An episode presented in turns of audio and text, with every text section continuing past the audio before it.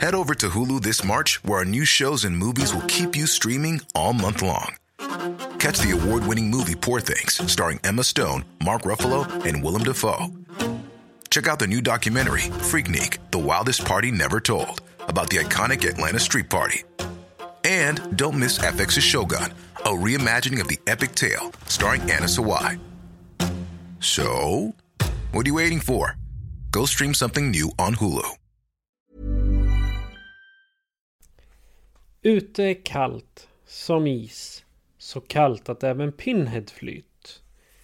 Därför gör vi på förra årets vis varsin julklapp vi bytt. En stuga med zombies, vetenskapsmän och en okult praktis är bytt mot en skogsresa ut med ungdomar drabbade av monster som känslor flytt.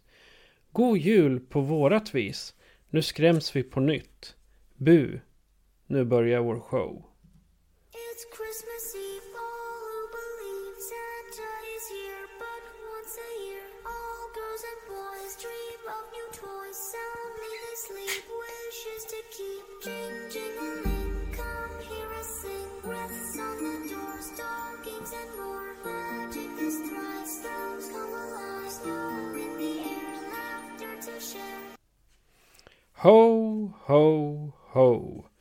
Välkommen till skräckfilmscirkeln.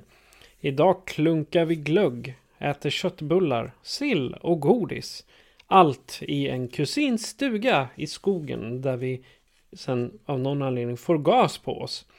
Sen går vi ut i skogen och hittar ännu en stuga. Sen är det fan med kört.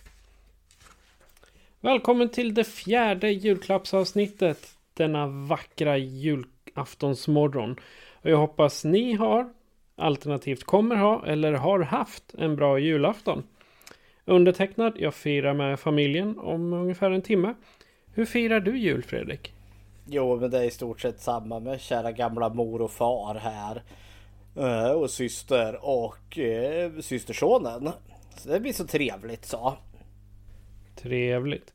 Likt eh, tidigare år så har vi valt ut varsin film att byta med varandra för att glädja en julafton som detta är.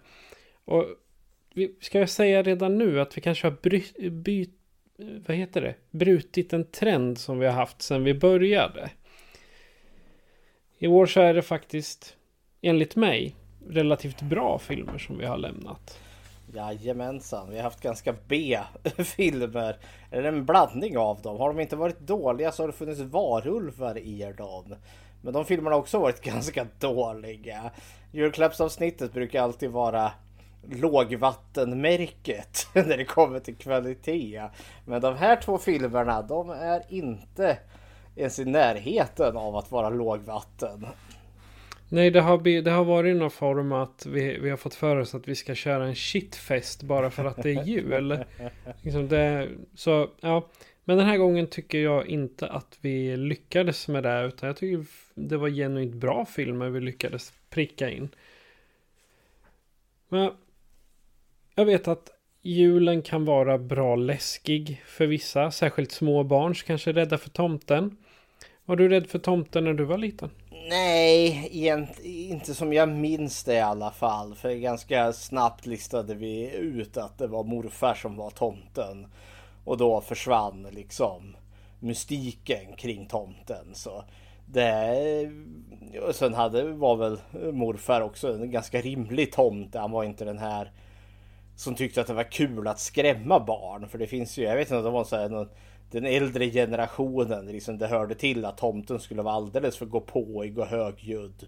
Det var väl kanske inte helt ovanligt att gubben som spelade var pruttfull också när det hände. Så vad vet jag. Men nej, jag hade inga traumatiska tomteupplevelser.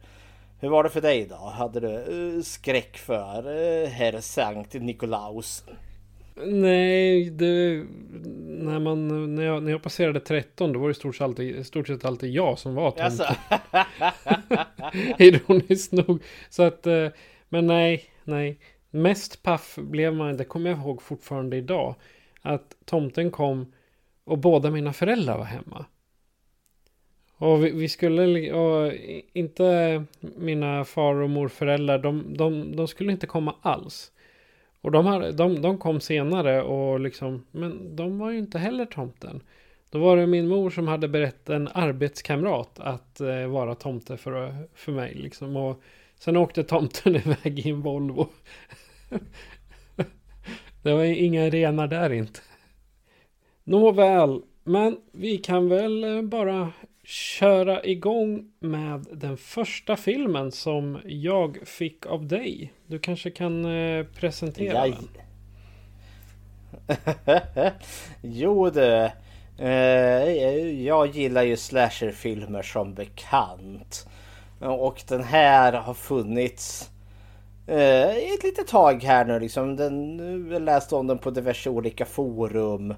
Eh, och hört lite lätt prat här och där. Och sen upptäckte jag att den finns ju på Netflix. Mycket trevligt nog. Och det var något så ovanligt som en polsk slasherfilm.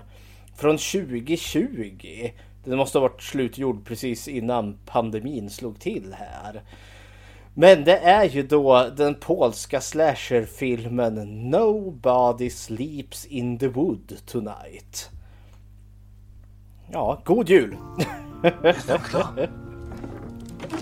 Daj rękę. Czekaj, sprowadzę pomoc.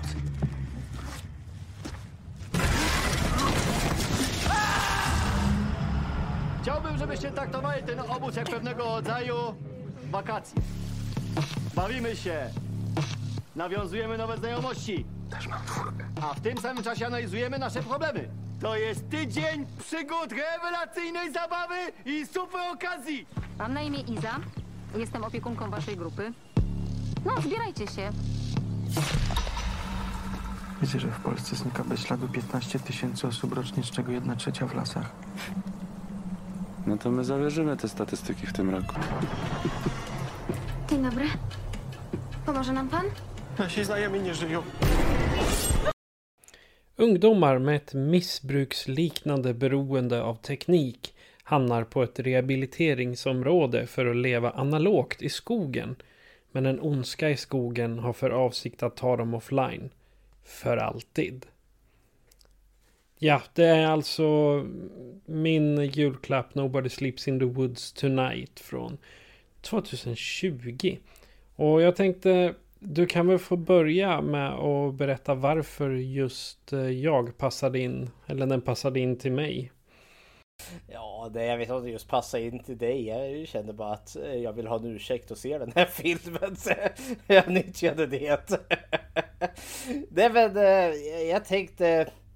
Eh, jag hade ju redan fått din julklapp och vi kommer ju till den sen. Eh, och det fanns liksom ändå en viss, åtminstone i titeln, något som länkade samman de här filmerna. Och så skulle det vara lite kul liksom med kanske lite mer kvalitet det här året. För din julklapp till mig, den vet vi ju liksom så tidigt. Om det här är ett säkert kort. Den här var inte riktigt lika säker. För den har liksom ändå så typ 4,9 på IMDB. Men åh, det kittlade så ändå liksom.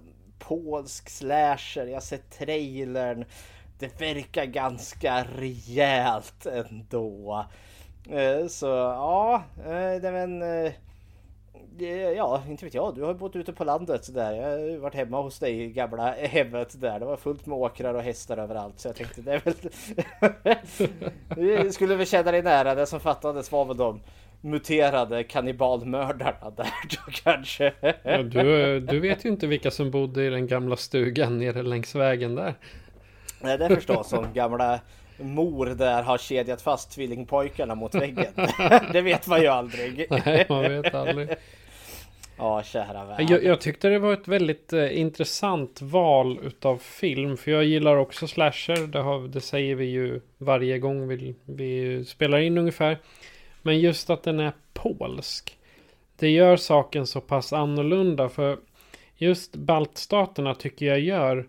Eh, eller alla andra länder förutom USA tycker jag görs lite annorlunda på sina skräckfilmer och slasher särskilt. Jag menar. Ta som den här, den, den var rätt så blodig, eh, ganska våldsam. Och sen eh, kan man ta som Frankrike, Switchblade Romance. Den är också jättevåldsam. Och vi har REC, supervåldsamma zombies. Och sen kommer vi till USA där eh, Romero bara, nej men de ska gå runt i ett köpcenter för att kritisera eh, kapitalismen. Ehm, Han är också ganska våldsam Ja, förvisso. Visserligen, men eh, det finns ju andra som... Ja, en del, filmerna i USA är inte lika våldsamma som de som kommer från Europa. Så i, i skräckväg, så i alla fall inte de jag har sett. Men just eh, Nobody Sleeps in the Woods Tonight, när jag såg den första, då tänkte jag... Aha, en cheesefest, en döda tonåringar-lista. Och så är det en tjej som blir kvar. Men visst, det är ju det är ganska exakt vad den är. Men den har ändå ett, eh, vad ska man säga, lite, lite speciellt. Eh, det är en modern variant utav Fredag den 13 kan jag tänka mig. Typ. Ja, men det, det känns som en, en sammanblandning av fredagen den 13 och typ wrong turn. Fast på polska. Det är det som är liksom kryddan i, den här. Jo, men alltså det, det jag gillade som mest var ju just att visst, de använder de här stereotyperna som är med i nästan varenda slasherfilm. Men de gjorde det i modern setting och framförallt visar den på hur eh, hur jäkla eh, ja, hur lite försvarsmöjligheter vi har mot oss när vi inte har mobiltelefonen med oss. Det märktes ju på de här ungdomarna, för i början lämnar de ifrån sig alla telefonerna.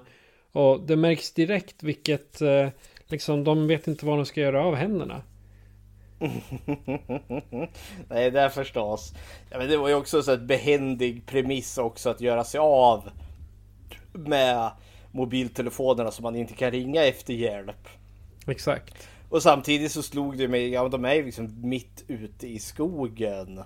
Om de ens skulle ringa till polisen, ja kan du identifiera vart du är? Ja, jag står i skogen. Ja, jag har en ek bakom mig. Ja. Jaha. Visst, eh, ja, de hade kanske kunnat använt GPSen och kanske liksom kunnat guidat sig ut ur skogen bättre om de hade haft mobiltelefonerna. Men ja, eh, förviss, förviss. Och visst, man hade kanske kunnat ringa in polisen så hade de kunnat gjort någon sån sökkedja och kanske räddat dem lite snabbare där. Men ja, nej, alltså jag tyckte den här var väldigt underhållande. Eh, det är egentligen en ganska mm, paint by the numbers slasher film. Den känns väldigt amerikansk egentligen, fast då på polska.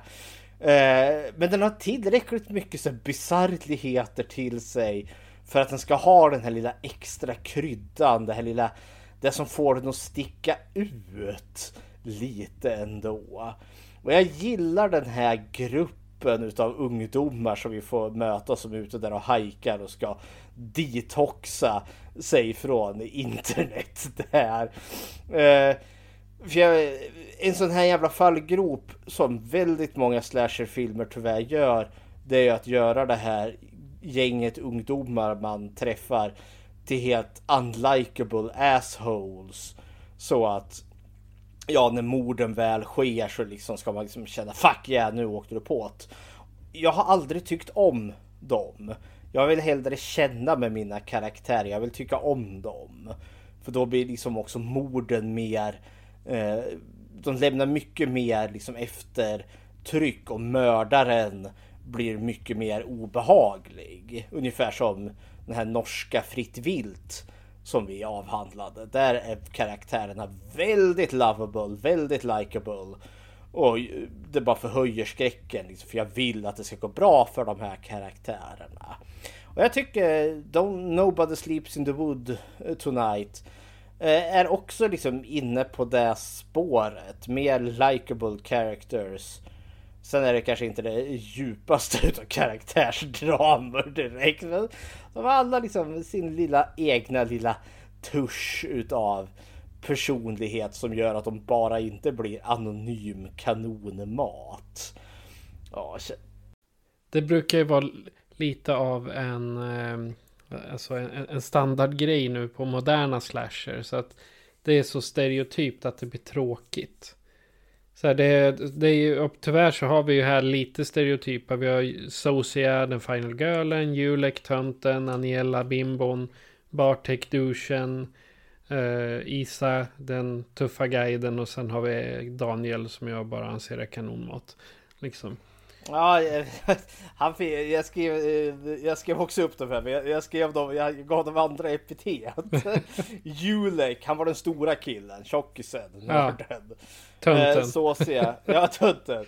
Såsiga, tjej med kniv skrev jag och Ja. de vart ju the final girl. Aniella, blondinen. Ja, bimbo. Ja, eh, Ba- Bartek, homofoben. Men det fick jag ju på för det visade, han var ju gay själv visar det ju sig sen. Exakt. och, och Daniel, snygga killen. Ja. För han var ju, han var ju the fuckboy visar det sig som var lite beroende av internetporr. Ja, jag, jag gillar det. Det är han som plockar fram telefonen ur kalsongerna där. Ja, jajamensan, det han lyckas gömt den. Och det blir, och sen eh, sista då, Isa, ledaren, guideledaren. Jag vet inte, jag var ju lite positivt överraskad att vi fick en öppet gay-karaktär här eh, i, i form av Daniel som först. För eh, där var det, han var ju väldigt på den här Bartek liksom. För Bartek får vi ju se liksom halvnaken genom hela den här filmen, eller inte genom hela, men han, han han har väldigt få gånger har han den där t-shirten på sig. Eh, och han är ju väldigt liksom vältränad. Och då går ju han Daniel på, nej, Bartek på Daniel. Och liksom, äh, rakar du benen eller suger du kuk? Bla bla bla bla bla. liksom, vad fan. Eh, jag tänkte det här är douche-karaktären. Eh, han, han, han åker på sig en hurring förvisso. Eh, välförtjänt. Men sen när han blir ensam. Eh, Bartek med Aniella där. Då trodde jag liksom att nu, nu kommer creepet fram här och ska börja slämma på henne. Men istället så sitter han där liksom, så har de liksom en öppen och liksom hjärtlig diskussion om hur jobbigt det är att vara gay i, Polen där. Och hon är stödjande och liksom, jag bara, wow! Var kom det här ifrån? Jag var liksom bara jättepositivt överraskad. Men det var en sån här, alltså en riktig svung sa det bara så vände sig allting. Det var, man, man tänker inte så utan hade det här varit en amerikansk då hade han suttit där. Det är så svårt att vara gay. Tårarna rinnande och hon hade sagt bara Ja. oh whatever. Nej, men jag- det är väl också det just att det är en polsk film. I Polen, alltså det, det är något mer konservativt, mycket mer katolskt. Eh, Den katolska kyrkan har ju ett ganska starkt fäste där och just hbtq-rättigheter har ju verkligen eh, vad heter det, attackerats och liksom tum- tummats på kanten där. Ska bögar verkligen få gifta sig och får man adoptera barn och sådana saker. Så liksom, Även om det, även om det blir bättre. De verkar ta, då har vi Ungern som går åt raka motsatsen istället. ja. Jo, nej men liksom så. Det, det gav mig liksom ändå så en känsla av att ja, filmskaparna här är ju ändå så positiva för liksom han Bartek, även om han nu i början där skrev jag homofoben på honom. Så visade det sig att det var ju inte riktigt så. Jag undrar om man liksom försökte liksom fiska fram om Daniel var gay eller inte. För jag tror han var lite kåt på honom, så enkelt var det. För sen blir det ju Aniella och Daniel där, de får ju ihop det. Och det visar ju sig att fuckboy Daniel har ju aldrig ha, gjort det med någon. Han har ju bara haft cybersex med massa. Så han var ju, han var ju oskulden där som hon tog hand om. Vilket också var en liten kul liksom vändning på alltihopa. Ja, kära värld. Men nej, de var förvånansvärt trivsamma de här karaktärerna. Ja. Kan vi gå in lite djupare på Sosia? För eh, hon- ja, hon är alltså det är Final Girlen. Men hon är nog den som jag tycker får mest utveckling i vad hon är för person. Ja, vi får ju mest av henne får vi liksom mer av en bakgrundshistoria också. För hon är ju väldigt mystisk i början där och liksom säger inte så mycket. Hon är klädd i svart. Hon, är, hon verkar väldigt mopey. eh, är beväpnad med någon ganska hisklig stilettkniv. Den fetaste jävla stilett jag någonsin har sett. Det är väl inte en stilett men liksom det Den har ju den funktionen, trycker på en knapp och knivbladet ploppar upp men den var ju bred som en handflata. Ja men då är det stilett så... Ja, ja. De är ju livsfarliga fan att hålla i och så komma åt knappen så slafs hela Ja, handleden. Ja, Rakt igenom handen där. ja herregud. Nej men hon verkade ganska...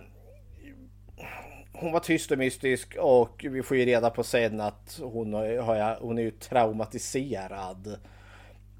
Utav eh, att hennes familj dör ju i en bilolycka.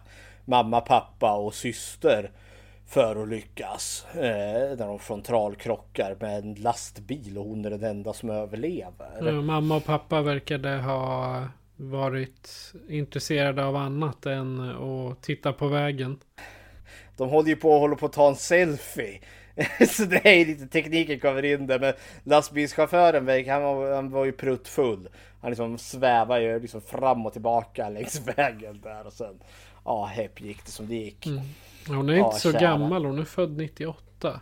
Ja, hon är Mhm. 25 i och för sig. Men eh, nej, det är hon inte alls. Vad blir 2022? 24 är hon då. Eh, men hon är gan- ganska stor i Polen. Eh, nu ska vi se. Julia Wienajwa Narkiewicz. Så det är jättelångt namn om man får titta på IMDB. Men hon har tydligen en himla massa polska titlar på sin lilla lista. Så, men jag tycker hon, hon var den här The Dark One eller vad man ska säga. Det är alltid så i, i en viss typ av filmer att det är den personen som är mest tillbakadragen och som liksom håller sig undan av alla som är den som överlever. Jo, och hon följer ju alla klassiska Final Girl trop. Ja, Hon är den första som ser börjar se varningstecknerna eh, om att eh, mördarna, för det är ju två mördare i den här filmen. Eh, att, de, att det finns något hot där, något, något håller på att jävlas eh, där ute. Eh, och sen eh, blir det ju hon som också tar fighten där eh, efter att eh, Ja, hon machetar ju ner en av dem så det står till. Men eh, hon...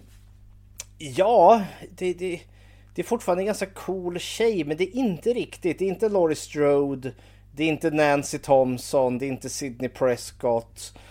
Jag vet inte liksom, det men jag skulle säga att Nu- det är en modern Nancy. Eftersom för Nancy i sista filmen hon är med då är hon jättesjälvdestruktiv. Liksom hon tar mediciner, hon dricker, eh, ja hon är vaken hela tiden. Och i det här fallet hon har ju skurit sig eh, Sosia. Så hon har ju varit, hon har ju varit väldigt, väldigt nere. Så hon har väl någon form av de- pågående depression kan jag tänka mig. skulle tro det. Att, eller åtminstone har liksom varit, hon har ju försökt ta sitt liv där. Men just att eh, efter att eh, ha blivit terroriserad där eh, väljer liksom, hon, hon har ju valmöjligheten att kunna fly ut i hemlighet för mördaren har ju somnat. Men hon väljer ju att nej, den här jävla jäveln ska ner.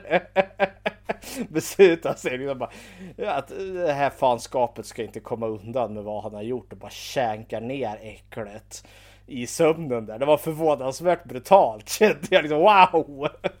Ja men det är ju, alltså då gick hon ju rakt emot de vanliga, det vanligaste på slasherfilmerna att Åh, han sover, nu kan jag sticka. Och sen eh, när man går runt hörnet, då står han där. Ja, men jag kände det var också smart det där. Dels också för det, det, det djävulskap som de har blivit utsatta för. Men sen också just det där att nej, men hon inkapaciterar honom. För att han, hon inte ska ha honom efter sig. När hon flyr sen. För annars är det ju det liksom, åh nej liksom. Eh, striden blir inte förrän mördaren har liksom henne trängd i ett hörn. Här tar hon striden innan mördaren ens kan komma efter henne. Så hon har sett sk- skräckfilmerna från 80 eller 70 och 80-talet och vet att ja, och det är ju om vi, om vi ska gå vidare till Julek, alltså tönten där. Han drar ju alla de här reglerna också. Han gör ju det och det är också en sån liten kul koppling till nästa film som också är lite medveten om skräckfilmer. Jag, jag skrev upp dem där. Han skrev liksom de sex reglerna för en skräckfilm eller vad man inte får göra. Ja, hämtade, Sex- hämtade från Scream-serien. Ja, typ. Eh, vad är det? De sex dödssynderna i en skräckfilm. Och det är då ett nyfikenhet. Hör du ett ljud i skogen, gå inte ut och undersök det. det man får inte vara nyfiken i en skräckfilm för då åker man på att. Eh, två. Eh, misstro. Nej, jag, det, det är nog bara jag som inbillar mig. Jag såg inte det där. Nej, du såg det. Eh, och sen tre då, självförtroende. Eh, jag går in, jag, jag tar första vakten här. Jag eh, ska liksom stolt göra det här. Nej, det kommer gå åt helvete. Eh, och fyra, oattraktiva personer dör. Den fulingen dör. Vilket då Julek ser på sig själv. för Han är ju överviktig och dan. Åh, stackarn. Uh, fem. uh, sex leder till döden. Eh, sex dela på sig. Det leder också till döden.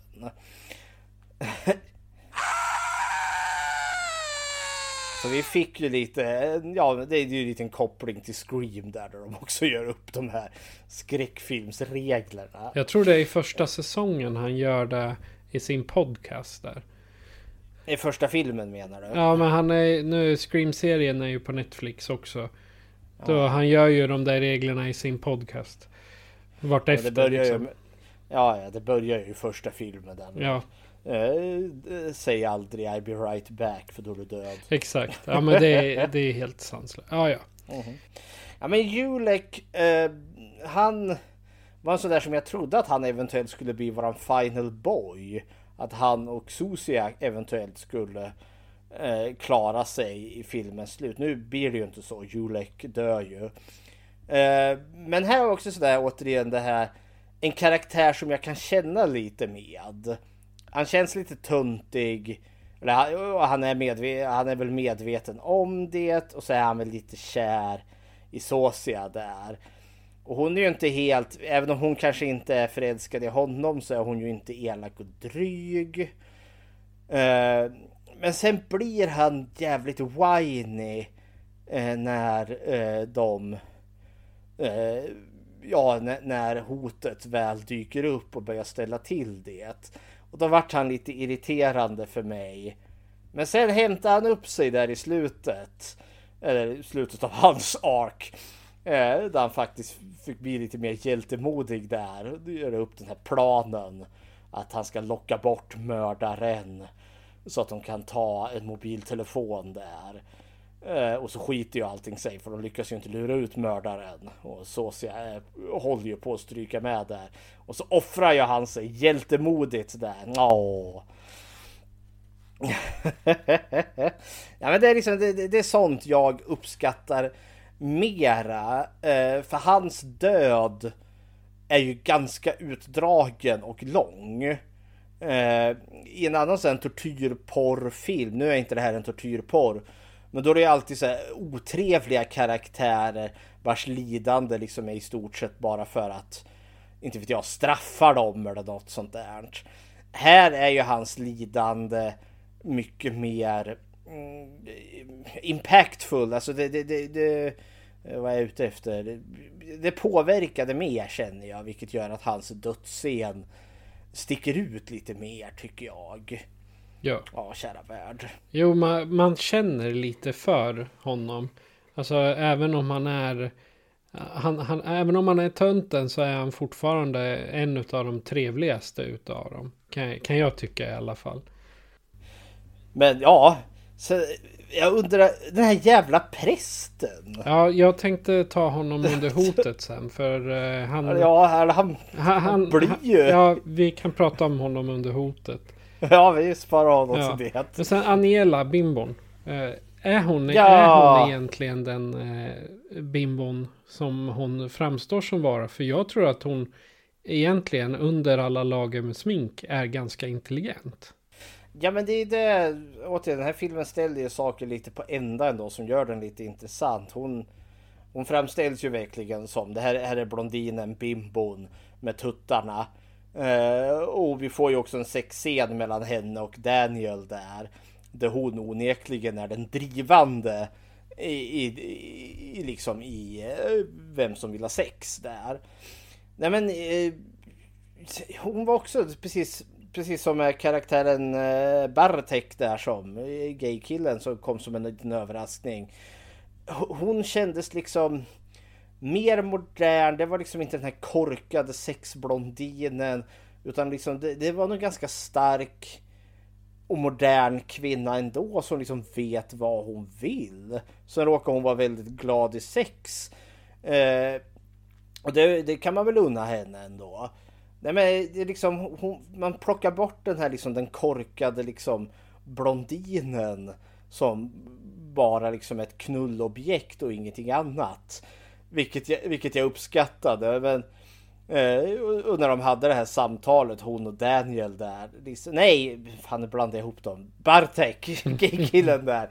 Eh, nej men liksom, eh, jag gillade det. Jag gillade dock inte hennes dödsscen. Den kom alldeles för hepp. Tyckte jag. Bara väl, Ja. Men samtidigt så är det här lite av en jump scare. Tanken är, tanken är väl det, men eh, det, här, den var ju inte superbra. Men tanken tror jag är att Ja, det jag, ska jag vara vet en liksom inte hur det är hon och Bartex har liksom en diskussion där. Eh, och så vänder han sig om och då har hon liksom fått en jävla påle, jävla trästam bara körd rakt genom huvudet utav en utav mördarna. Och hur stealth-mördar man någon på det sättet? Men det var groteskt värre, helt klart. Ja, men det, det är en sån film. Det Ja, jo. så. Det, den var chockerande våldsam. Ja. Fast på ett, på ett väldigt underhållande sätt. Ja. Men Bartek då? Eh, Den eh, douchen som visar sig vara en gay i eh, garderoben. Jajamensan. Nej men. Eh, ja. Börja som en douche. Visa sig att han var en osäker kille i garderoben som ville komma ut och tyckte att det var svårt. Ja, det var väl för han, han säger väl att det är hans pappa som gör det så svårt för honom. Ja, eh, och egentligen och ignorerar eh, det totalt eh, som att ja men eh, som det här egentligen att han är på det här avvänjningslägret för internet det är ju för att han liksom sitter och liksom håller väl på och chattar med diverse olika andra killar på någon gay dating app eller något sånt där. Och då har han då liksom tolkat som någon form av internetmissbruk. Farsan Han där. är, han är så här fast, eh, fast besökare på Grindr. Mhm. Men han blir också måltavla. Det, vi kommer ju till prästen där sen. Det känns ju liksom som att vad fan hände där? liksom, det som liksom är det sexuella rovdjuret. Eh, det visar ju sig. Det är ju ingen utav tjejerna som blir offer för något liksom sexuellt rovdjur. Det är ju stackars Nej. Bartek som Ja. blir det. Men alltså Bartek, han tänkte jag skulle kunna vara med till näst sist. Eftersom han, han är stor och stark och sen att han eh, släpper in folk på, på nära på så att han liksom öppnar sig lite. Men eh, minuset då är ju att ja, då har vi ju inte en douche längre. Utan då ska han vara the final boy tillsammans med Sosia i sådana fall. Ja, vilket han kanske eventuellt är. För Barteks öde är ju höllt i frågetecken här. Exakt, och så kommer den tvåa. Surprise, surprise.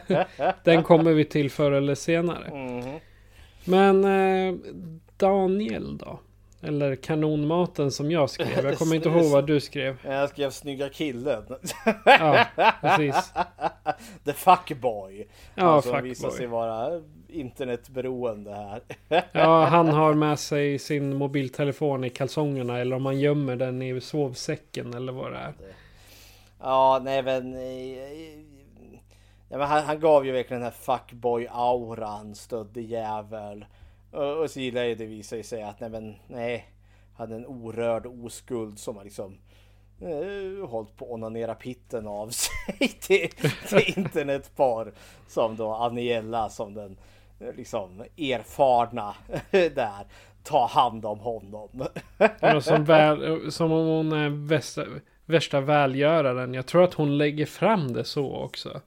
Nu ska jag hjälpa dig. Ja, hon säger låt mig bli din lärare. Och jag gillar det också för annars är det ju det här Oh, liksom kvinnan är ju åtråvärd om hon är oskuld. Liksom, oh, den orörda tjejen där, henne vill man ligga med. Här blir det ju tvärtom när hon får reda på att Daniel är oskuld. Det är liksom, mm, mums. Nu ska hon ta hans svendom där. Ja, det gillade jag också. Jo. Men han, han dör ju först. Han ryker ju illa kvickt därefter. Han är kanonmaten även Ja. om han är liksom en fuckboy. Jag vet, det, någon måste vara där. Ja, Nej, men han, han är ju först att stryka med. Rakt in i sovsäcken och sen uh, sopar han ju sov, sovsäcken ett x antal gånger in i en trästam och sen har vi ingen Daniel något mer. Nej, exakt. Ja, stackarn. Då är det bara Isak kvar. Eh, guiden. Eh, Henne kände jag liksom... Ja, jag vet inte riktigt.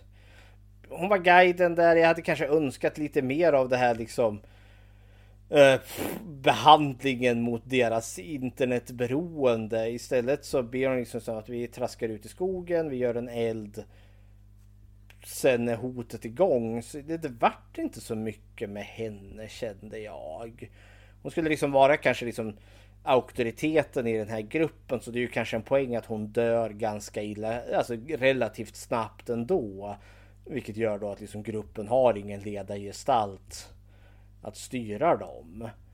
Men annars nej, hon var ganska karaktärsfattig tyckte jag. Ja, hon var mera den här. Ja, nu gör vi så här ute i skogen. Gör inte så här ute i skogen. Sen aj, aj, aj, jag ramlade. Jon kommer dit, sprutar salt, eh, koksaltslösning. Linda, ja, nu måste du se efter det där. Ja, så hon var, hon var lär, den tråkiga läraren skulle jag vilja kalla det. Ja. Ja, kära. Men, men, sam, men samtidigt ska jag gilla det för de, de kör inte den här biten att nej, men jag kan inte tro eh, på det läskiga som finns eller liksom den som tvivlar än hade hon lätt kunnat vara som inte såg hotet komma utan det dyker upp ganska snabbt och visst när, när hon blir i källaren där när mördaren väl dyker upp. Hon sätter ju eh, Julek och Sosia i säkerhet först. Och sen vänder hon ju sig liksom för att liksom konfronta mördaren liksom i strid. Eh, så hon var ju ganska badass på så sätt. Eh, ska jag, vilja. hon, jag menar hon, eh, hon, hon dog liksom fighting. Went out kicking and screaming. Ja. Okej, men eh, antalet platser har jag tyckt mig analysera fram tre stycken. Dels har vi campingen, sen har vi runt om i skogen och så har vi det huset på slutet där. Har jag Ja. missat någonting? Nej, det är väl i stort sett det. Det är liksom majoriteten utspelar ju sig i skogen i alla fall. Ja. Eh, Jag trodde det skulle vara mycket mer vid själva den här campingen. Camp Adre- Adrenalina som den heter. Det är kul också att de säger det. Jag, jag kan ju inte polska. eh, Eller vad de nu pratar för språk. Då hör man bara bla bla bla. Adrenalina. och, så liksom, och då, då kommer jag på Mendes. Adrenalina.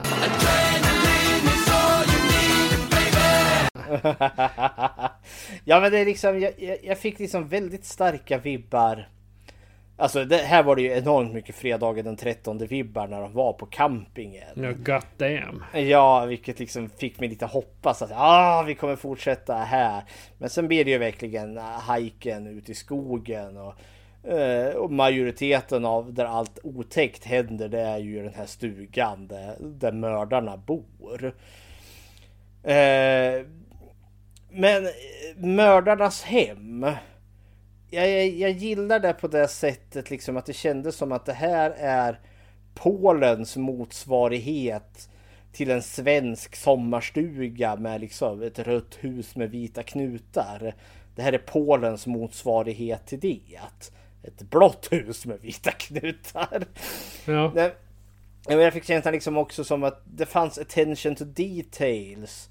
Det var liksom fullt med Ja men liksom med, med, med, ryschpysch, eller vad ska man kalla det? Så här, virkade, hand, virkade dukar som låg på tvn och fullt med bilder av jungfru Maria och liksom religiösa attiraljer hit och dit. Det kändes liksom genuint gammalt ungefär som jag föreställde mig. Nej men som, som det såg ut i min farmors hem när hon fortfarande levde. Liksom dekorerat av någon som liksom föddes på, eh, inte vet jag, 40-30-talet eller något sånt där. Ja. Så ja, nej, men jag, jag tyckte det var nice. och så har vi ju en väldigt klassisk liksom, skräckkällare. Där, Ja. där mördarna håller hus. Och där har de ju definitivt hämtat inspiration ifrån eh, Motorsågsmassakern.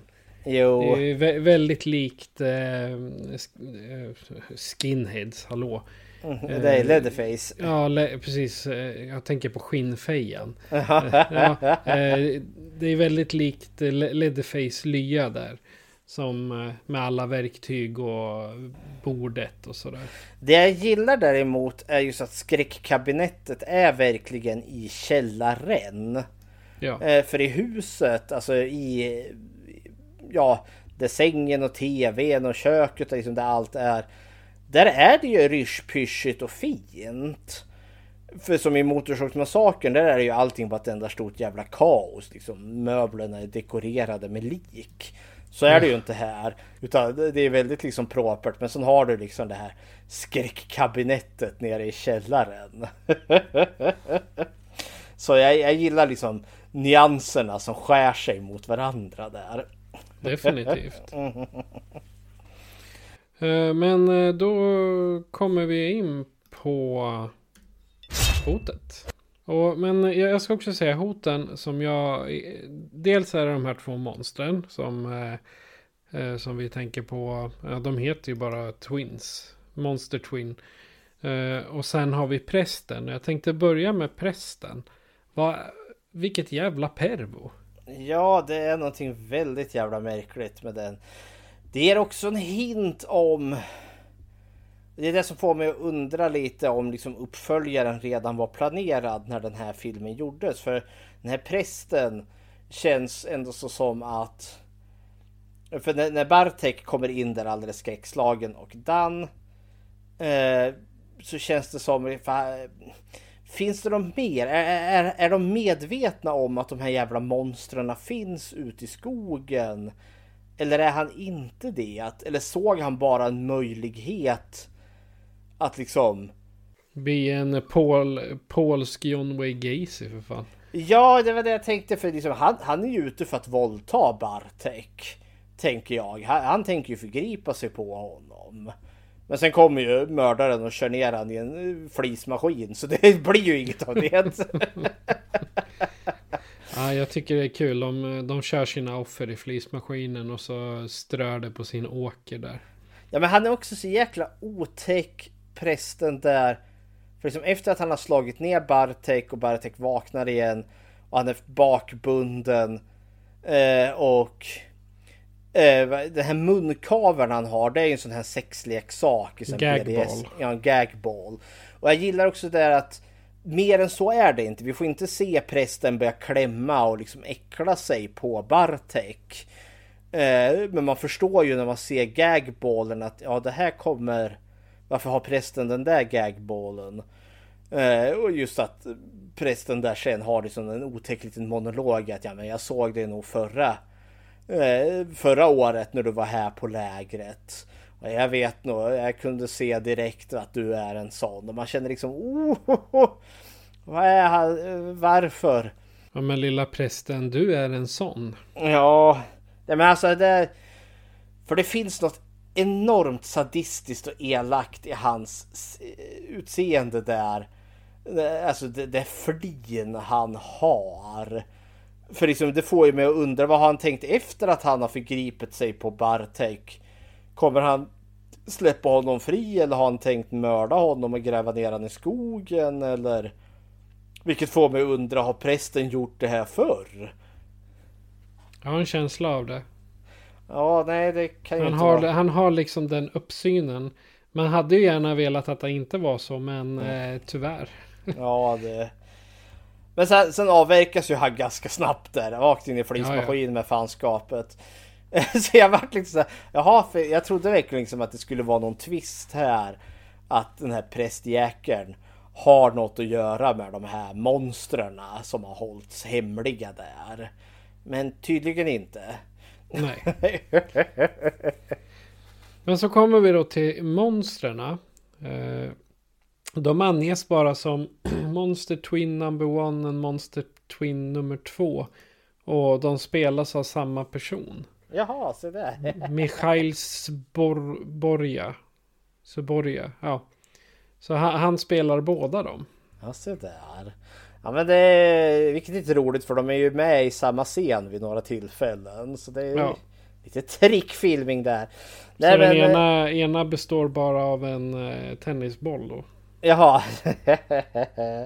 ja, nej men.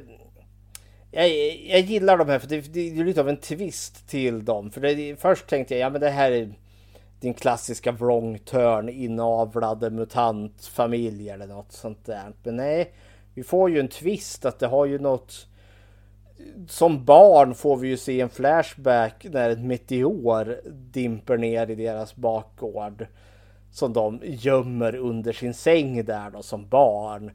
Och när de ligger där och sover då spricker kometen och ut ur det kommer något svart hemskt klägg och bara kryper in i dem. Man ser liksom hur det liksom kryper in under huden och liksom det börjar växa bölder på dem.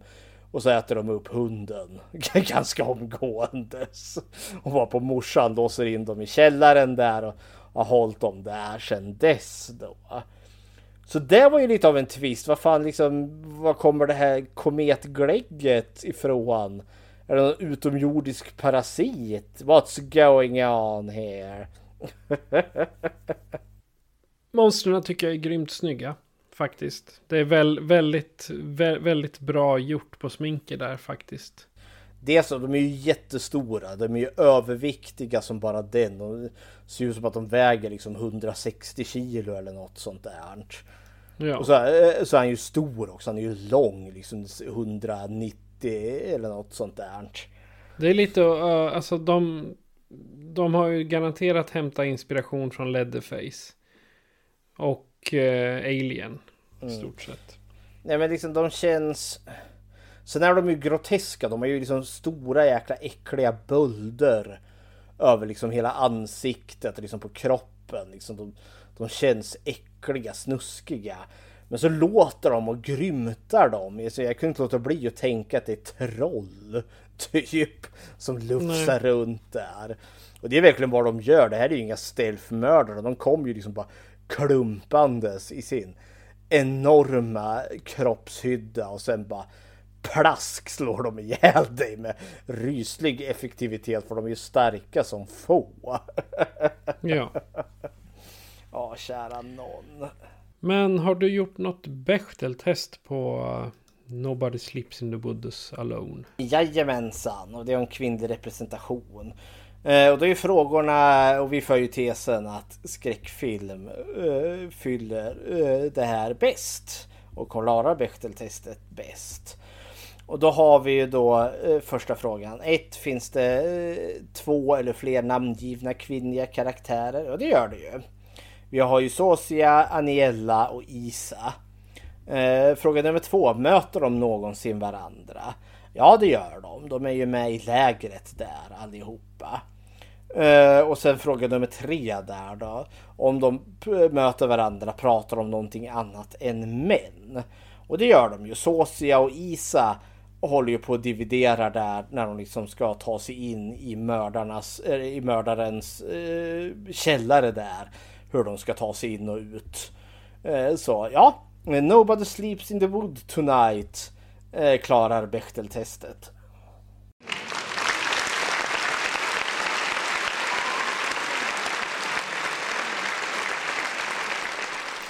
Okej. Men eh, jag tänker att eh, vi ger oss direkt på eh, nästa resa. Vi åker ut i skogen till Cab, The Cabin in the Woods eh, från 2011. Och eh, re- regissören är ingen annan än Buffy the Vampire Slayer Joss Whedon. Nja, det är inte regissör. Re- Regissören är Drew Goddard. Men Josh Whedon skrev manuset eh, och producerade den här filmen. Okej, då är det Ja. jag som har, har, har läst fel. Jo, där. Writer står det. Ja. Men visste du faktiskt att Josh Whedon var eh, manusdoktor innan han skrev Buffy? Ja, ja, ja, så där. Han, eh, rä- rättade, han fick in ett gäng manus och så rättade han till dem innan de släpptes. Ja, ja, ja. Jag har precis lyssnat på en 14 timmar lång bok om Josh Whedon och Buffy.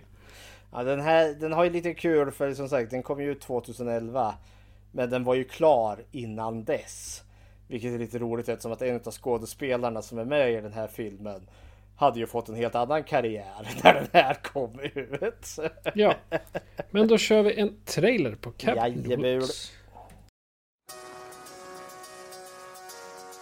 Everybody ready? The show on the road! Doesn't even show up on the GPS. is unworthy of global positioning. That's the whole point. Get off the grid, right?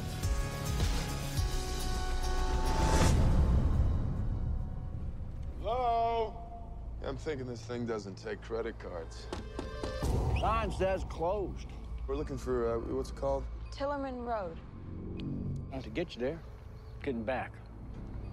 That's your concern. This is awesome.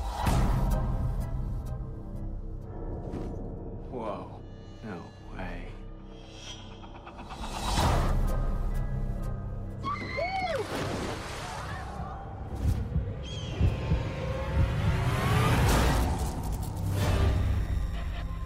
The lambs have passed through the gate. They are come to the killing floor. Let's Get this party started! I seriously believe something weird is going on.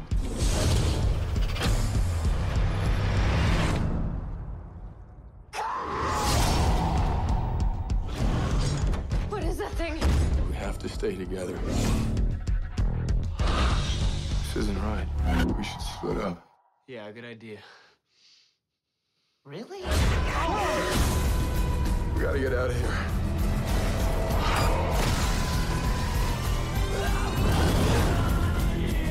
Somebody sent those things here to get us. You're missing the point. They want to see us punished.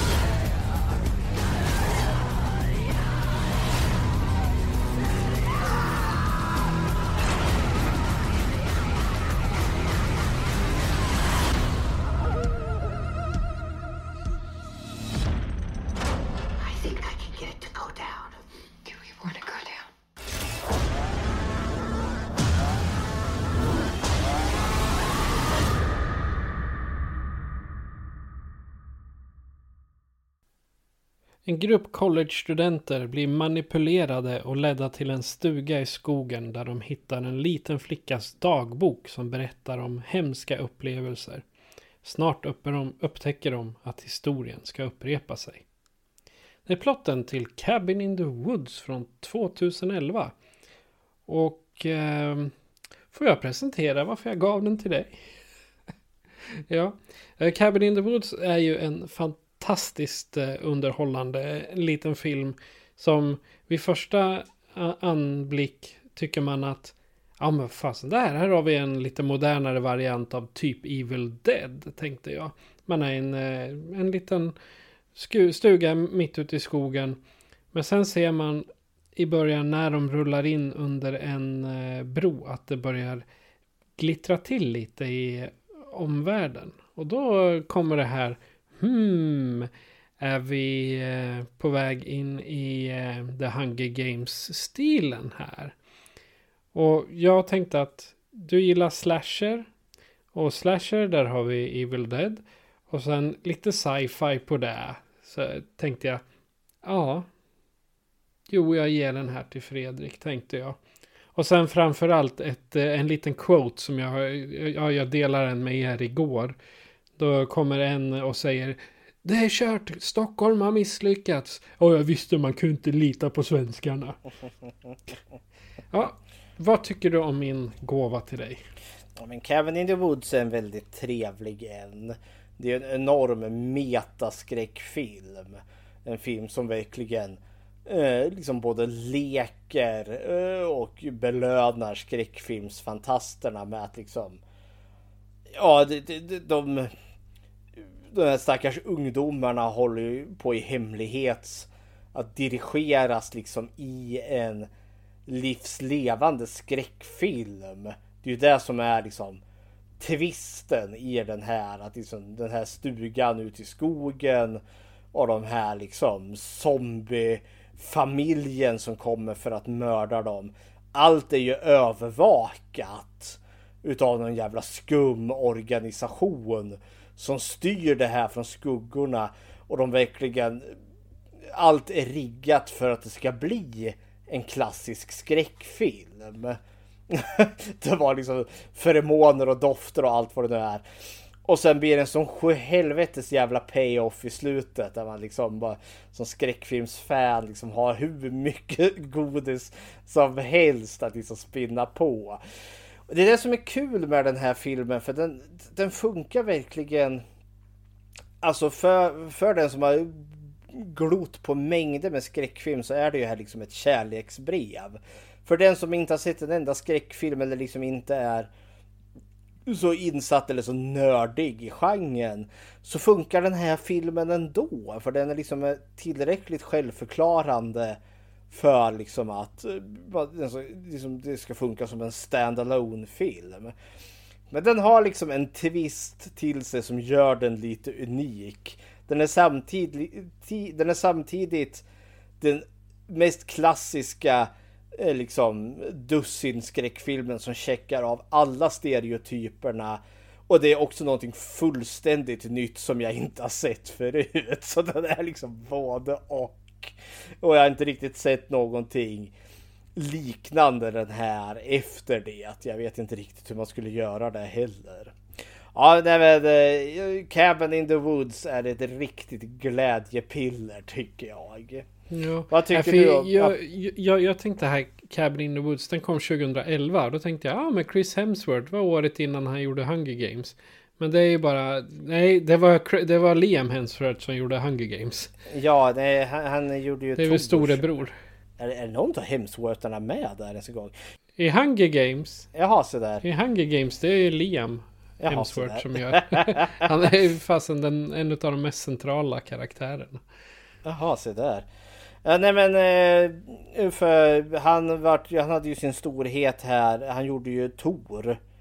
Eh, här kom ju liksom samma år. Eh, och eh, eh, grejen med den här var ju att den här var ju färdig. Eh, alltså inspelad och klar 2009. Eh, var ju den här klar. Sen hamnade ju den här på hyllan. Eh, och var väl i någon form av efterproduktion därefter. Och så att eh, den hade ju liksom en försenad release. Vilket var lite lustigt sen liksom när den väl kom. För då kände man ju igen Chris Hemsworth som liksom Tor från Marvel superhjältefilmerna. Så det var lite udda att se honom då i en form av liksom eh, sportfån eh, stereotypen i, i, i en sån där i en ganska pajig skräckfilm. Men det gjorde han med bravur ändå tyckte jag. Ja, ja. Mm.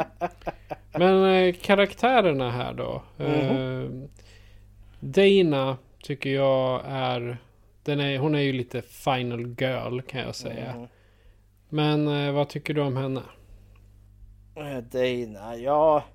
Hon ska ju vara the final girl här och det är ju till och med filmen själv säger ju det rakt upp och ner. Hon ska vara the virgin character eftersom att the final girl är oskulden. Eh, och ja men eh, hon, hon var väl liksom likable enough och vi förstår ju liksom att hon är ju inte en klassisk final girl på det sättet för liksom vi förstår att hon har haft en relation med en utav lärarna på universitetet tydligen. Eh, och eh, som har då spruckit sig så hon har liksom haft en intim relation med en, med en äldre man där då. Och jag vart inte riktigt klok på om det var på grund av att hon är förälskad i honom eller för om hon ville, vad heter det, eh, klara plugget genom att ligga sig till ett betyg. Vilket gjorde liksom att jag vart så här, okej, okay, det här är inte riktigt en klassiska Final Girl direkt. men annars följer hon den här klassiska tråpen liksom att ja, men hon, hon ser, hon är den som börjar misstänka, eller ja nej, hon gör ju inte det. Eh, hon ska ju vara the final girl. Hon fyller ju inte, hon fyller ju inte tråpen alls. Det är det Nej. som är problemet.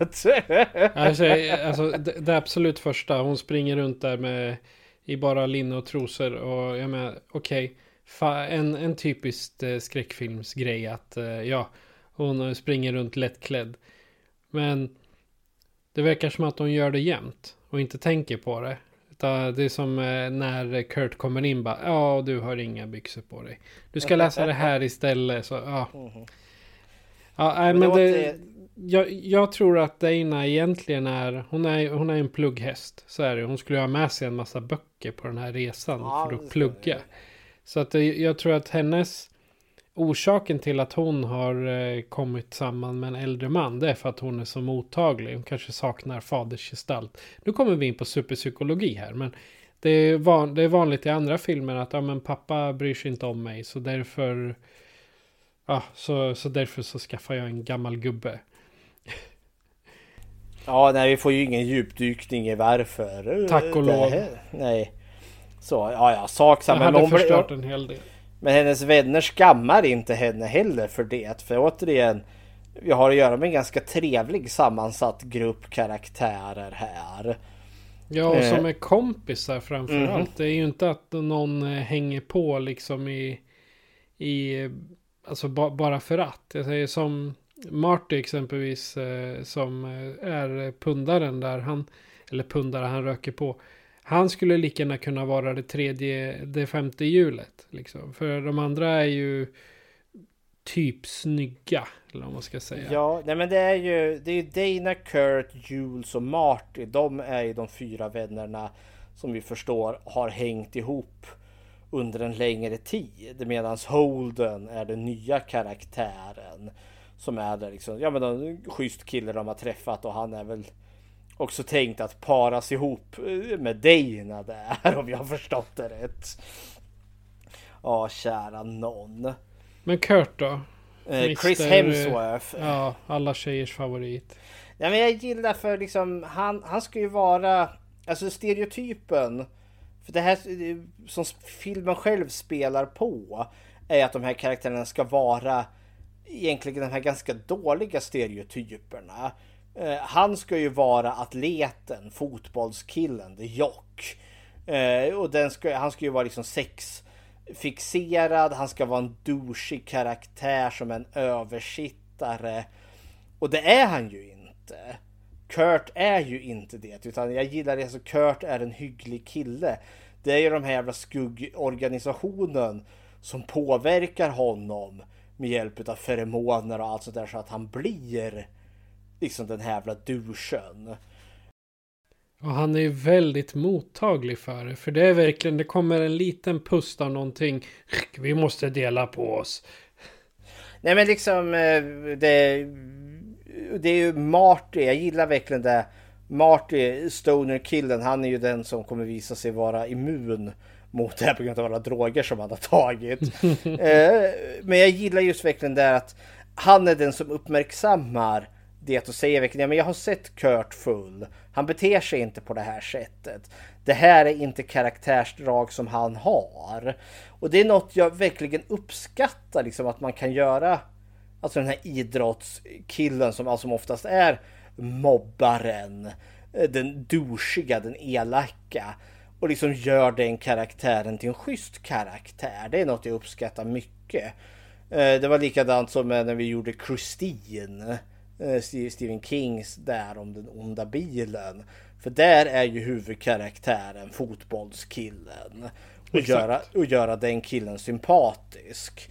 Det är något jag uppskattar mycket här. Och det, det var det jag kommer säga till alla de här. Just att de är schyssta.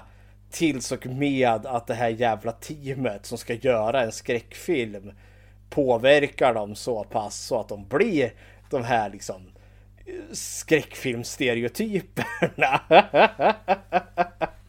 Ja, kära. Nej, men jag gillade jag, jag, jag gillade Kurt och sen är det också så udda liksom, att se Chris Helmsworth i, i, i, i en sån här typ av film.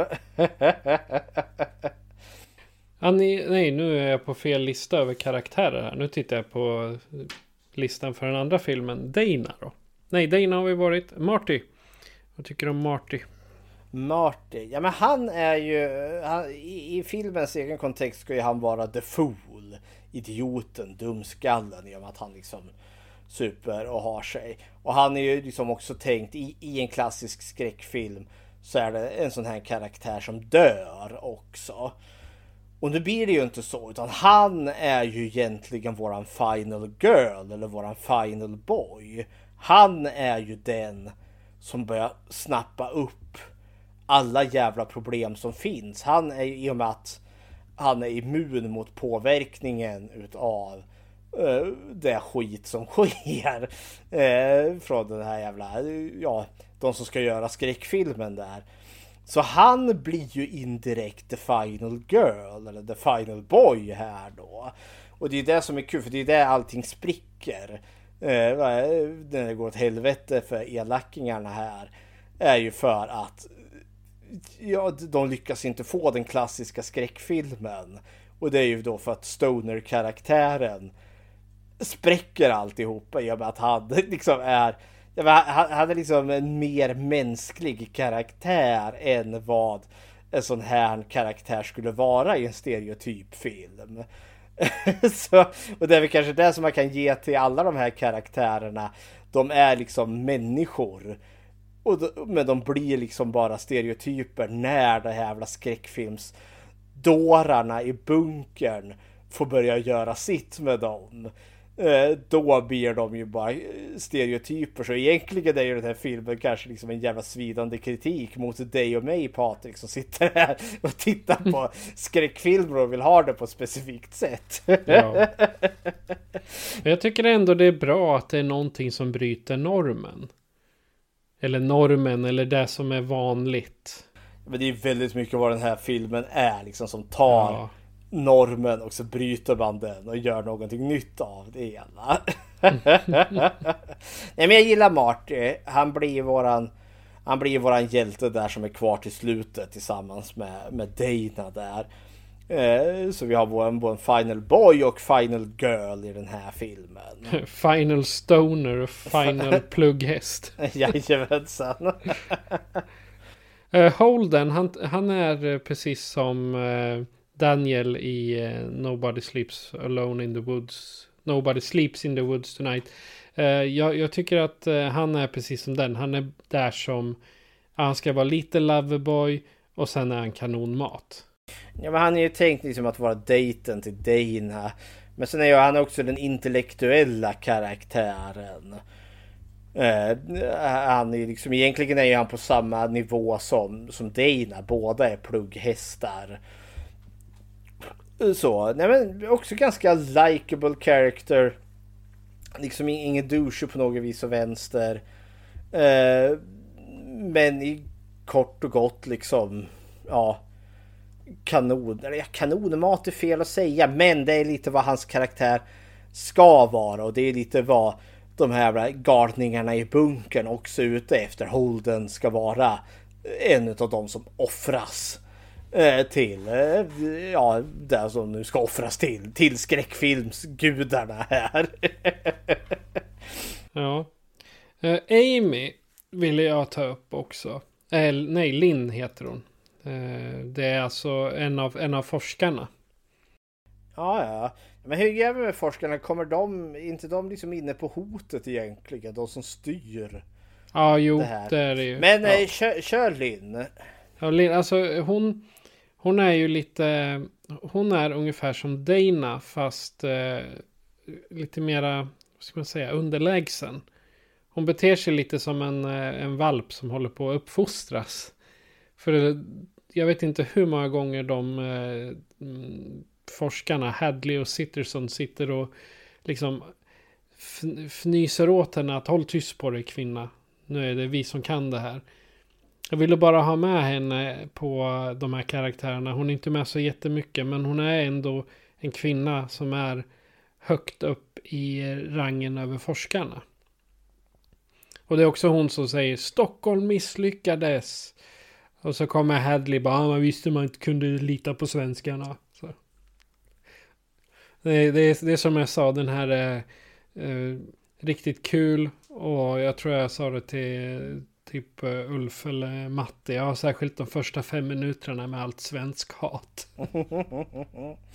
Vi har ju också karaktären Jules, eh, Chris Hemsworths flickvän i, i den här karaktär, i den här filmen. Precis, Anna Hutchinson. Ja, hon som får epitetet horan, the whore. Ja. Eh, också sådär. What? Som bör, ja, men hon, hon börjar verkligen som en... Eh, både Kurt och Jules är liksom, det är ett gulligt par.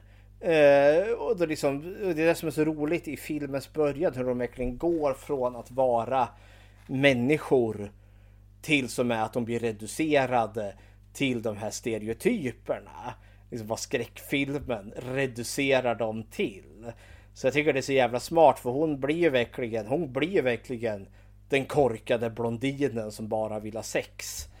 Och sen då straffas för att hon har sex. Hon får ju huvudet avsågat utav den här jävla zombiefamiljen sen.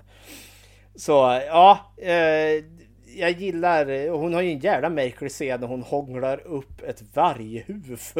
Ja, jag fattar inte. Och så avsluta med Thank you. Ja! Men det är ju det som kanske är liksom eh, grejen som den här filmen både hyllar och liksom driver med skräckfilmer. Liksom att vi har de här extremt ytliga karaktärerna som inte började så här ytligt utan har ju tvingats in där på grund av dårarna i bunkern. Ja, kära någon. Ja, det här var typ den första filmen som hon eh, hade en eh, ledande roll i. Ja, ja, ja. hade, hon hade gjort ett gäng filmer och tv-serier innan dess. Men eh, bara varit bikaraktärer. Nåväl. Eh, det var alla karaktärerna. Ska vi... Platserna, då, må, då måste jag fråga liksom. Vilka är de mest centrala platserna här? För jag har, jag har tre stycken. Alltså. Som jag tycker är med. Dels är det ju runt stugan.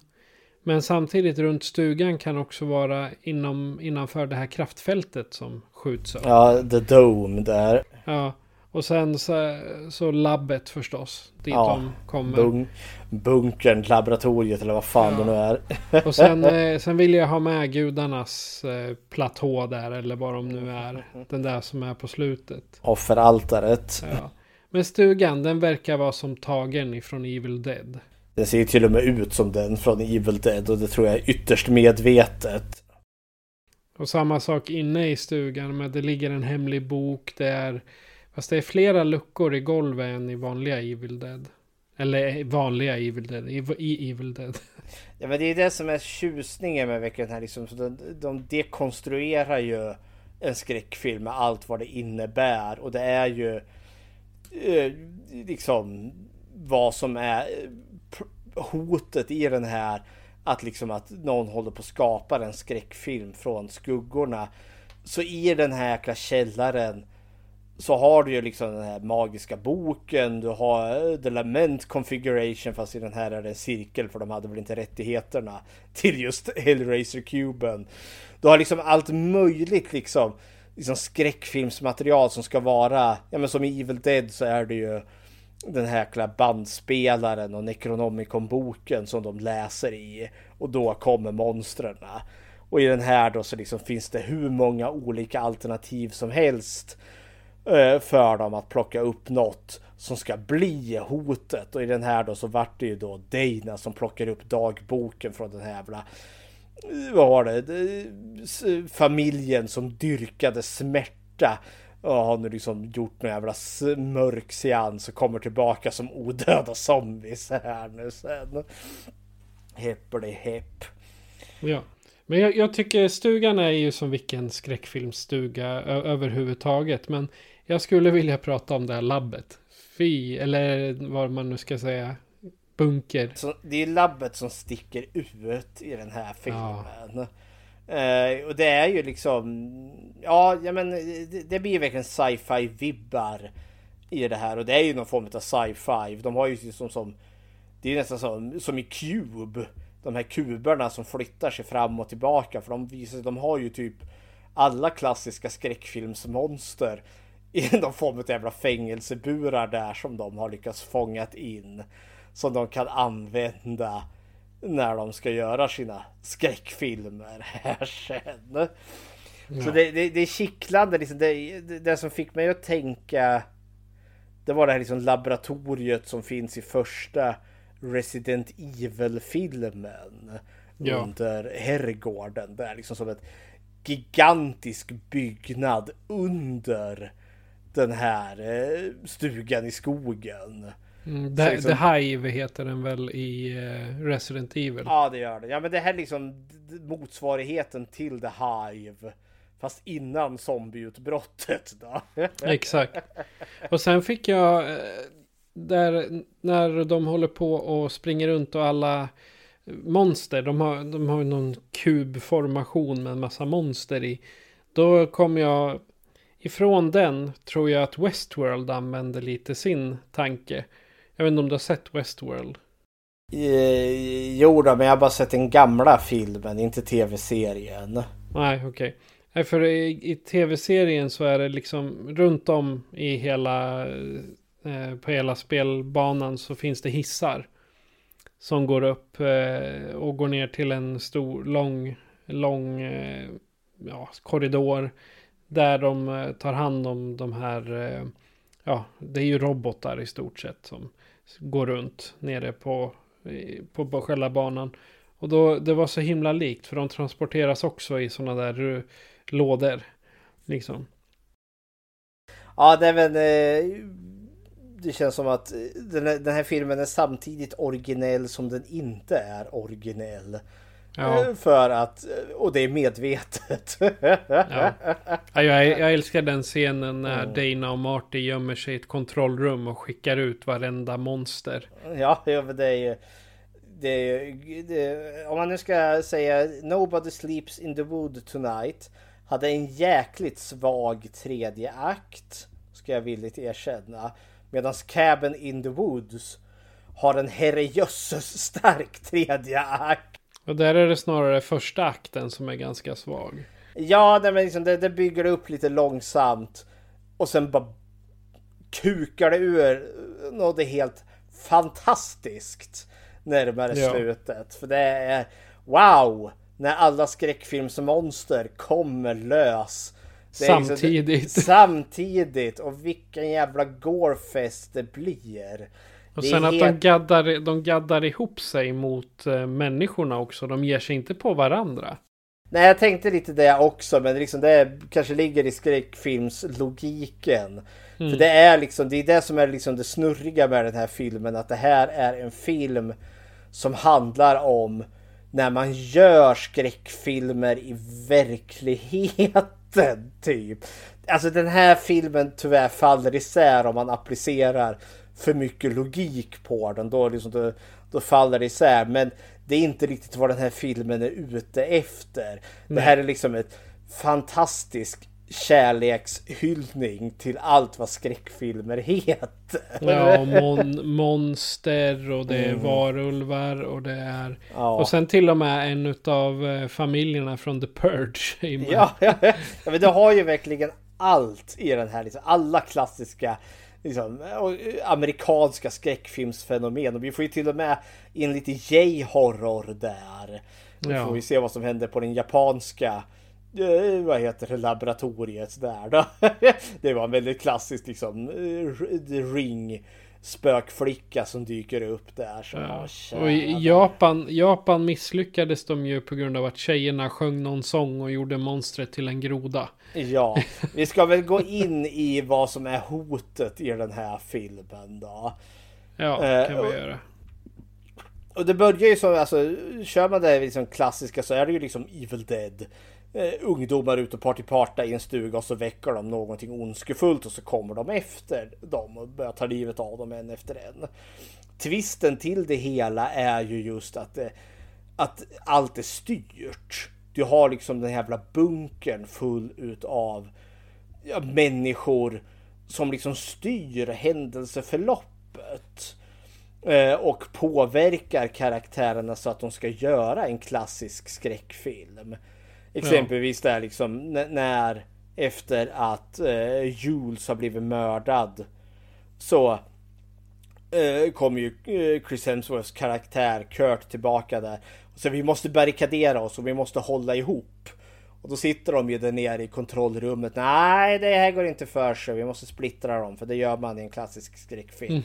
Trycker på någon knapp och så kommer det ut någon jävla gas, något liksom som de kan påverka och de har ju också liksom sm- små högtalare och allt sådär som liksom verkligen kan påverka liksom med subtila signaler och sådana saker. Och sprutar det i ansiktet på honom. "Ah, nej, vi måste Vi måste dela på oss." Ja. och alla tycker det låter som en jättebra idé. Förutom han, eh, Stonen, Marty. För han är den enda som inte påverkas utav det här. Men så Nej. springer ju alla åt varsitt håll och så trycker de på en knapp så att dörrarna låses så de inte kommer därifrån. Och man inser det och det är det som är liksom twisten till det hela. Att liksom de, de här karaktärerna är ofrivilligt i en skräckfilm som några jävla galningar håller på och styr ifrån skuggorna. Och allt filmas med hemliga kameror och allt vad det nu är. Det är väl då när dörrarna smäller igen som eh, Marty kommer, kommer underfund med att det här är inte vi. Det är någonting som är styrt. Ja, lampan faller ju i backen och i den så hittar han ju en hemlig kamera. Och det är då han liksom börjar inse vad fan allting, det är ju någonting som är jätteknasigt här. Eh, och- jag menar de- i de- här eh, la- professorerna, la- de i kontrollrummet. De får man väl kalla liksom, de tillhör väl ändå så hotet. Ja, de som- och Hadley heter de. Ja, vilket är fantastiska två karaktärer för de är verkligen För de är ju blasé. Vi förstår, de har gjort det här förut. Och vi förstår ju också, precis som du säger, Stockholm misslyckades. I Japan får vi ju se, håller de på. Vi inser att det finns flera styckna sådana här. Och det här är i Amerika med Cabin in the Woods-biten. Nej, det, det är den amerikanska filialen. Så finns det flera sådana här utspridda över hela världen tydligen. Eh, och till en början så, så känns det ju verkligen som att det här är några här galningar, alltså på samma logik som Cube. Eh, folk som slängs in i den här hemska kuben eh, och eh, Eh, dödsfällorna där. Att det är någon sån här då fast med att folk gör skräckfilmer. Men så dyker det ju upp ytterligare ett hot på det. Att, att det visar sig att det här är en del utav någon ritual. För att vidmakthålla the ancient one, de uråldriga, slumrande gudar som vill ha det på något specifikt sätt. Och det här måste göras en gång per år. Eh, För annars vaknar... Nej, en gång per decennium var det väl? En gång per decennium. Ja, ett år tolkar jag. sak samma. Ja, sak, det måste göras. Det måste upprepas för annars vaknar gudarna och då kommer de förinta världen. Så, och gudarna vill tydligen ha det på ett väldigt specifikt skräckfilmssätt. Annars är de inte nöjda. Ja, de ska ju offras på något särskilt Ja. sätt också. Det... Och sen ska de ha fem, fem typer av karaktärer. The Fool, eh, The Joke, The, the Slut, eh, ja vad de nu Ja, men döper det, dem till. eh, the, the Whore. Ja, just eh, det. som ska dö först. The Fool. eh, the Athlete. The Intellectual One. eh, eller, det, eller The Scribe kanske han kallas. Och sen The Virgin. The Final Ja. Girl där. Och fyra utav de här måste dö. Eh, the Virgin, The Final Girl, kan klara sig. Det, eh, om hon dör eller inte är optional. Vilket, Jaha. ja, vilket är, ja men The Final Girl klarar ju sig inte alltid i en skräckfilm. Och det är det som är så roligt för liksom, de tror ju att de har, skö- att de har fixat allt det här. Eh, liksom, eh, alla är döda, det är bara The Final Girl kvar och de kan fira. Ah, nu har vi klarat det här. Men så visar det sig att det stämmer ju inte. The Fool lever ju! Marty dog ju inte där. Och då visar det sig, vad fan, allt är fel, åh nej! Och så brakar ju Ja. allt åt helvete. Det är kul också med, med zombien. Ah, jag var tvungen att kapa upp han med en murslev. ja. Det var liksom en- enda sättet att komma undan. Ja, nej men jag, den här filmen är fantastisk. Och sen det helt glorious blodbadet som kommer sen. Ja, alla också- monster. Ja, alla var det. Är, det är verkligen liksom blodet står i fontän.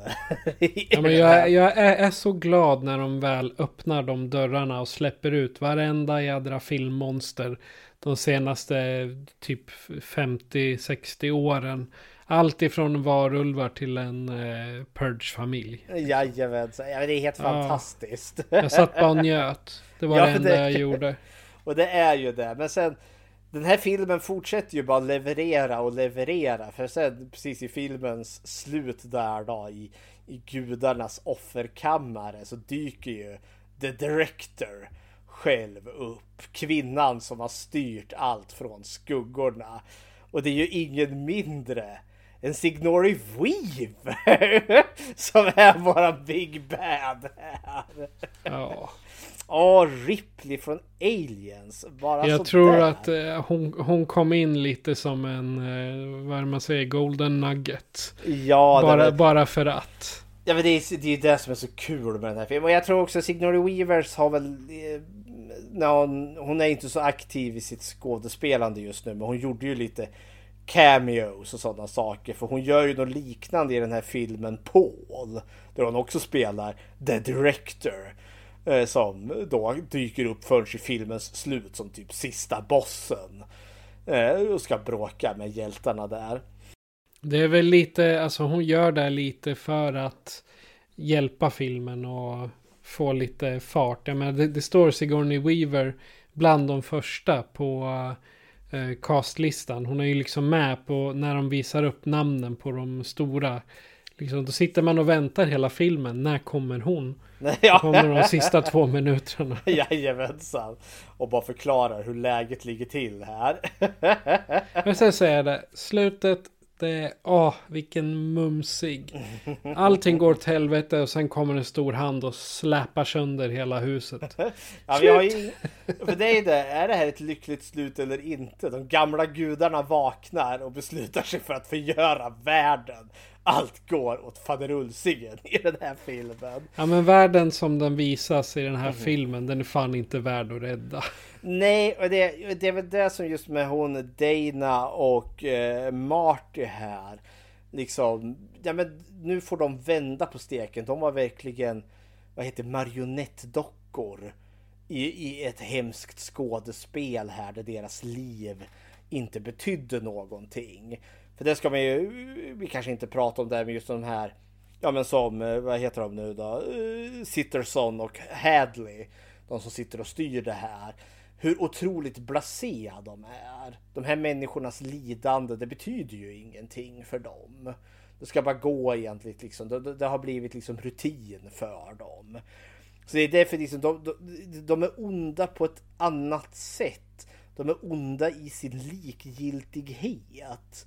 De är ju inte de som liksom kommer knivskära någon till döds. Det skulle aldrig falla dem in. Nej, de trycker på en knapp. De trycker på en knapp, men sen kan de ändå så liksom sitta där och liksom titta på medan sin karaktär blir mördad. Och det finns ju också som med när Kurt och Jules ska ha sex.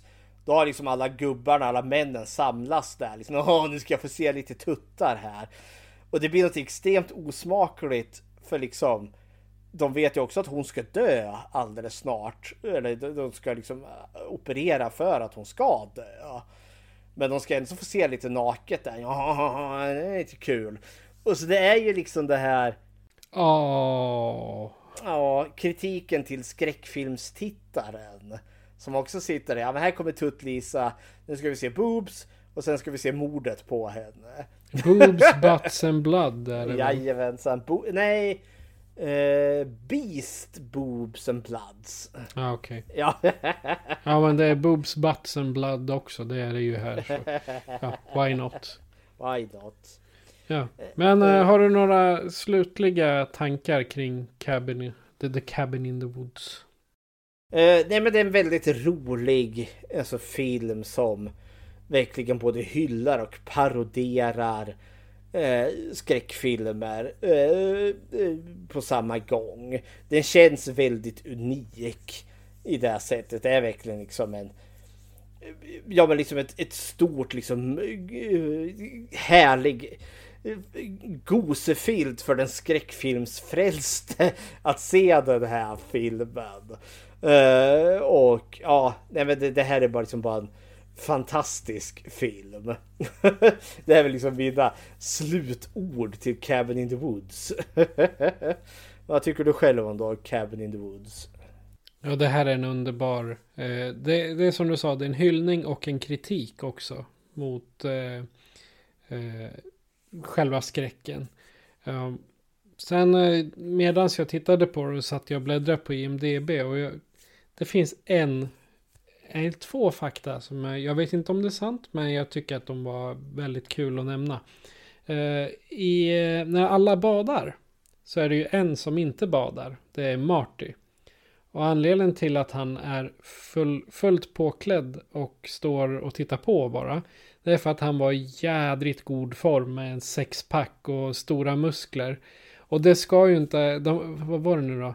I, I kommentarspåret så kallar de honom för ripped like mu- muscular Jesus. Oj, oj, oj. Och, men det passar ju inte en pundare. Nej, det skulle På det sticka ut om han tar av sig på överkroppen och så här liksom eh, muskulös som Hercules. Nej, det går Ja, inte för sig. nej. Och sen Joss Whedon och Drew Goddard, de skrev det här manuset på tre dagar. Ja, ja, ja. Så att det är liksom... Tänk hur mycket de plockade eh, från alla andra filmer och bara... Men det- Nu ska alla monster vara med, så nu har vi världens fetaste skräckfilm. Det känns verkligen som en film som eller det, alltså de, de satt och rökte på och hade liksom en trevlig kväll och sen liksom i, i dimman här eh, så kommer den här idén fram. Liksom. Tänk om det finns en skräckfilm där alla skräckfilmer finns. Liksom som en, eh, och sen tänker jag liksom efterhand så har de gjort några så här anteckningar så kom de ju fram till att det här måste ju vara awesome. Nu gör vi den här. Mm. De gjorde ju 60, 60 olika monster som var specialtillverkade för just The Cabin in the Woods. Plus att de eh, då plockade in lite av de andra. Ja men det är ju det, är det som är en fröjd. Det finns otroligt mycket att titta på. Alltså de sista 20 minuterna av den här filmen är ju liksom bara herrejösses i bara sin fantasirikedom med alla monster som dyker upp i den här filmen. Nåväl, har du gjort ett Bechteltest på den här? Då? Ja, det har jag gjort. Eh, och det är ju samma som där då. Finns det eh, Fråga nummer ett. Finns det en eller flera namngivna kvinnor? Ja, det gör det ju. Vi har ju Dana, vi har Jules. Eh, och vi har ju också karaktären Lynn. Eh, och någon utav den här kan ni, Ja, vi har ju eh, Patience Buckner. En utav hon flickan från den här zombiefamiljen. Eh, två då. Eh, möter de någonsin varandra? Ja, Dana och Jules eh, möter ju varandra och sen De sitter väl bredvid varandra i bilen till och med. de gör ju det. Sen möter ju Dana Sigourney Weavers karaktär, men hon heter ju bara The Director. Ja, så det räknas mig. inte. Nej, så hon, även om det är Sigourney Weaver så nej, det går inte för sig. Men eh, fråga nummer tre då. Om de möter varandra, pratar de om någonting annat än män? Och det gör de. De spelar ju den här eh, Truth or Dare där när Jules hånglar upp, eh, vad heter det, det uppstoppade varghuvudet där. Då sitter de och pratar om allt möjligt. och de pratar ju också om vad hon ska packa med sig där precis i början när, när Jules kommenterar att vad är det, Dana har packat med sig, vad var det? Sovjetisk ekonomi från 60-talet och kände liksom att nej, det här går inte för sig. Vi ska ut och parta och ha oss. Ja, men så Cabin in the Woods klarar Bechteltestet. testet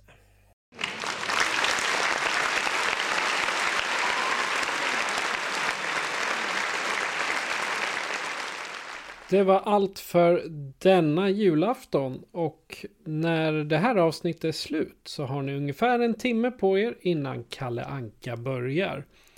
Men såklart, vi måste ju spela upp eh, om ni vill eh, höra något mer eh, i stil med den här eller om ni har någon mer åsikt om oss så kan ni göra så här för att kontakta oss.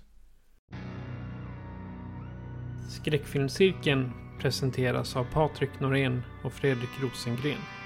Produktion FPN Productions. Besök skräckfilmscirkeln.com för att hitta var du kan lyssna på oss, hur du kan stödja oss och hur du kan kontakta oss. Vill du diskutera filmerna i avsnitten är du välkommen att gå med i gruppen Skräckfilmscirkeln Eftersnack på Facebook. Tack för att du lyssnar.